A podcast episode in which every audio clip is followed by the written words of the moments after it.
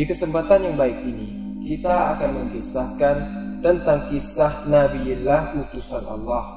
Beliau adalah Idris alaihissalatu wassalam. Nama Idris disebutkan dua kali dalam Al-Quran. Di Quran Surah Maryam ayat ke-56 dan ke-57. Wazkur fil kitab Idris innahu kana siddiqan nabiyya. Dan ceritakanlah Muhammad kisah Idris di dalam kitab Al-Quran. Sesungguhnya dia seorang yang sangat mencintai kebenaran dan seorang nabi. Warofaknahu makanan dan kami telah mengangkatnya ke martabat yang tinggi. Al-Imam Abdullah ibn Abbas radhiyallahu taala anhu berkata, Ka'ab radhiyallahu taala anhu bertanya kepada Nabi Muhammad sallallahu alaihi wasallam, apa arti dari kata warafa'nahu makanan aliyah. Kata Ka'ab, artinya adalah di mana Nabi Idris pernah mendapatkan kabar gembira dari Allah Subhanahu wa taala bahwa Allah mengangkat setiap hari dengan seluruh amalan Bani Adam. Seluruh amalan manusia setiap hari pahalanya untuk Nabi Idris alaihissalam tanpa mengurangi pahala mereka yang beramal ini anugerah dari Allah sehingga ia ingin amalnya banyak.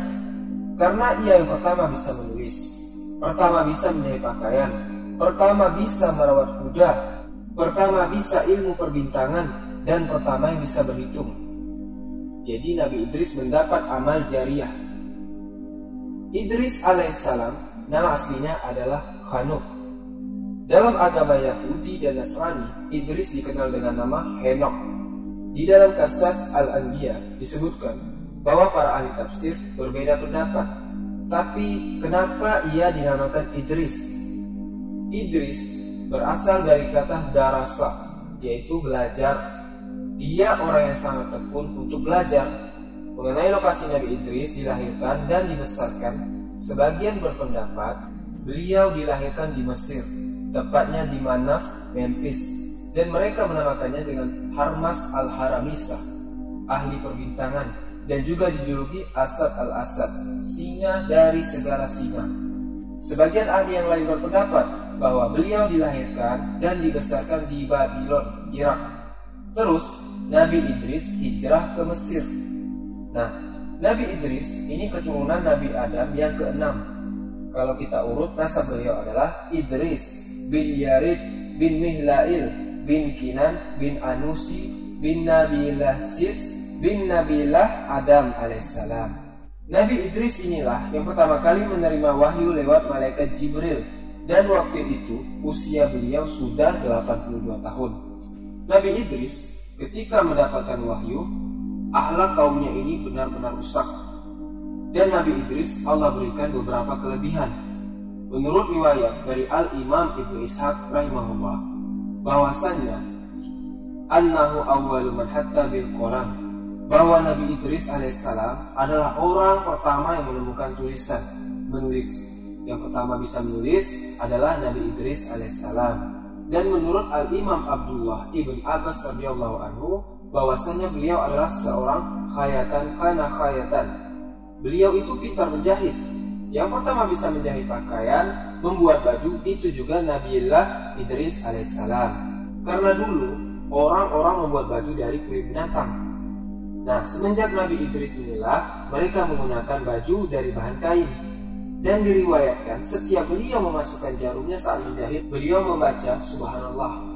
Dan beliau adalah orang yang jujur, yang selalu membenarkan apa yang datang dari Allah Subhanahu wa taala.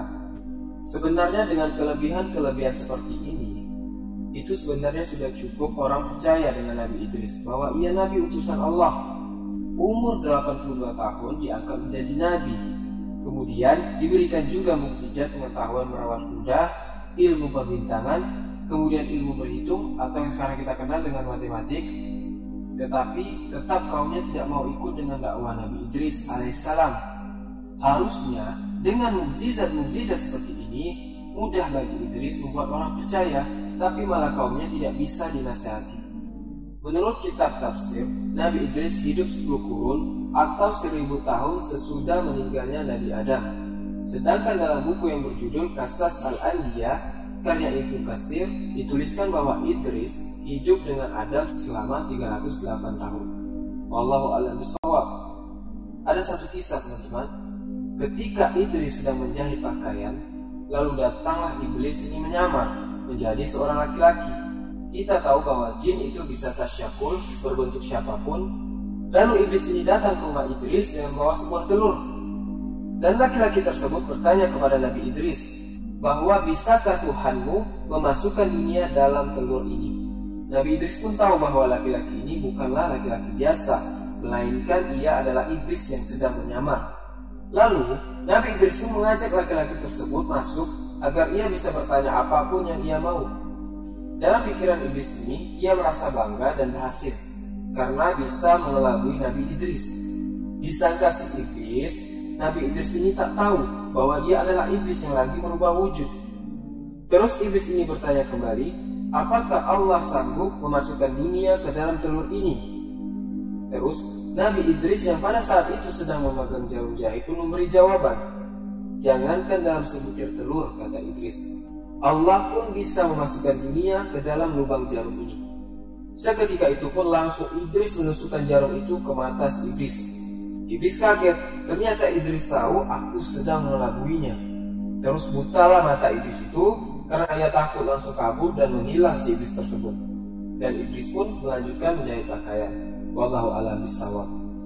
Di dalam kitab Jami'ul Ahkam Al-Qurtubi, bahwasanya Nabi Idris ini berteman dengan malaikat pembawa matahari. Pernah ada kisah ketika Nabi Idris keluar dari rumahnya, kulitnya Nabi Idris terkena sangat panasnya matahari. Lalu ia bilang, Masya Allah, panas sekali matahari pada hari ini.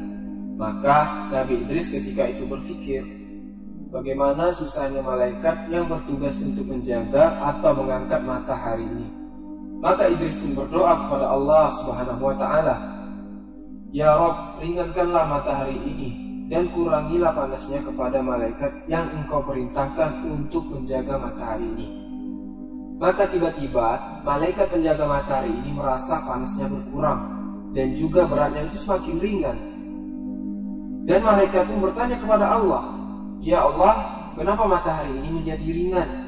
Maka Allah pun menjawab, sesungguhnya hambaku Idris memohon kepadaku agar meringankan pekerjaanmu. Maka malaikat ini pun bertanya kepada Allah, Ya Allah, izinkanlah aku bertemu kepada Nabi Idris alaihissalam. Maka bertemanlah Nabi Idris bersama penjaga matahari ini. Diriwayatkan bahwa Nabi Idris ini dicintai oleh kalangan malaikat, terutama malaikat Israel malakul maut. Awal mula perkenalan mereka adalah waktu Israel turun ke bumi karena rindu kepada sahabatnya Idris. Jadi Nabi Idris ini heran. Sahabatnya ini datang dengan wujud lelaki, begitu datang dengan sosok periang dan membawa juga buah-buahan. Nabi Idris tidak dapat membaca bahwa siapa tamu ini. Idris belum tahu saat itu. Setiap iblis menawarkan makanan, Israel selalu menolak karena malaikat tidak makan dan tidak minum. Akhirnya setelah empat hari malaikat ini tidak makan, Nabi Idris pun curiga. Dan akhirnya bertanyalah Nabi Idris, sebenarnya kau ini siapa? Apa kata malakul maut? Aku adalah malakul maut wahai Idris. Kata Idris, apakah kau datang untuk mencabut nyawaku? Tidak Idris, aku hanya ingin berkunjung. Aku tidak ingin mencabut nyawamu. Lalu kata Idris, empat hari kau di sini, apakah kau tidak mencabut nyawa orang? Lalu kata malakul maut, banyak nyawa yang aku cabut, wahai Idris. Makhluk-makhluk itu bagi hidangan bagi aku. Jadi aku mencabut mereka bagi menyuapkan makanan. Jadi tetap seperti biasa, aku tetap mencabut nyawa.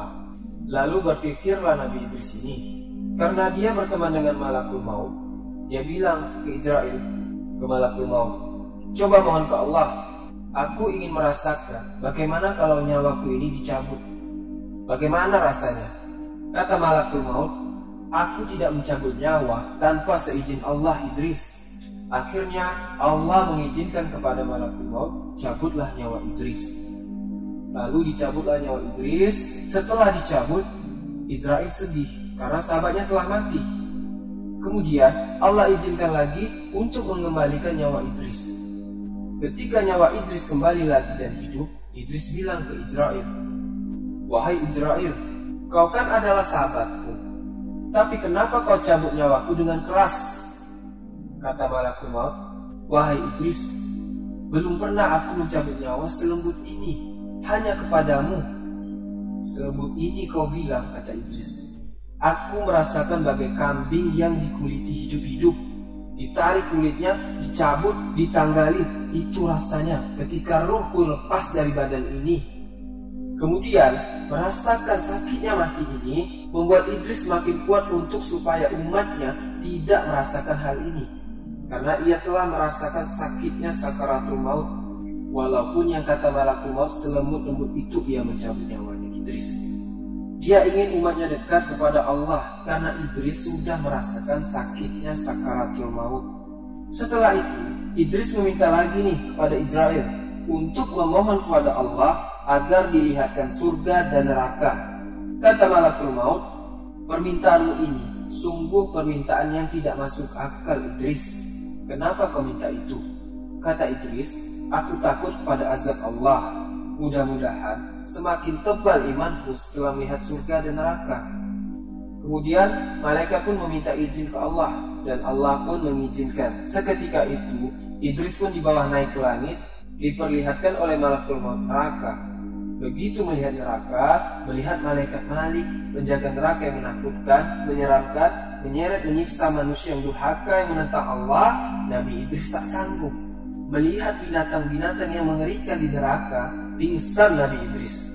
Setelah sadar dari pingsannya, kata Idris, Wahai Israel, bawalah aku ke surga, cepat, aku ingin melihat surga, agar jiwaku tentram, karena melihat kengerian neraka ini Sekali Idris dibawa ke surga, melihat surga, hampir pingsan lagi Idris ini karena keindahan surga. Mengalir sungai-sungai di bawahnya, terkesima ia. Saking indahnya itu tidak bisa digambarkan. Melihat sungai-sungai yang bening seperti kaca, melihat pohon-pohon yang batangnya dari perak dan emas. Ada juga istana untuk penghuni surga. Ada juga pohon-pohon yang buahnya tinggal dipetik saja. Pokoknya indah banget. Setelah melihat surga, Kata Israel, baiklah Idris, sudah cukup. Ayo kita pulang lagi ke bumi.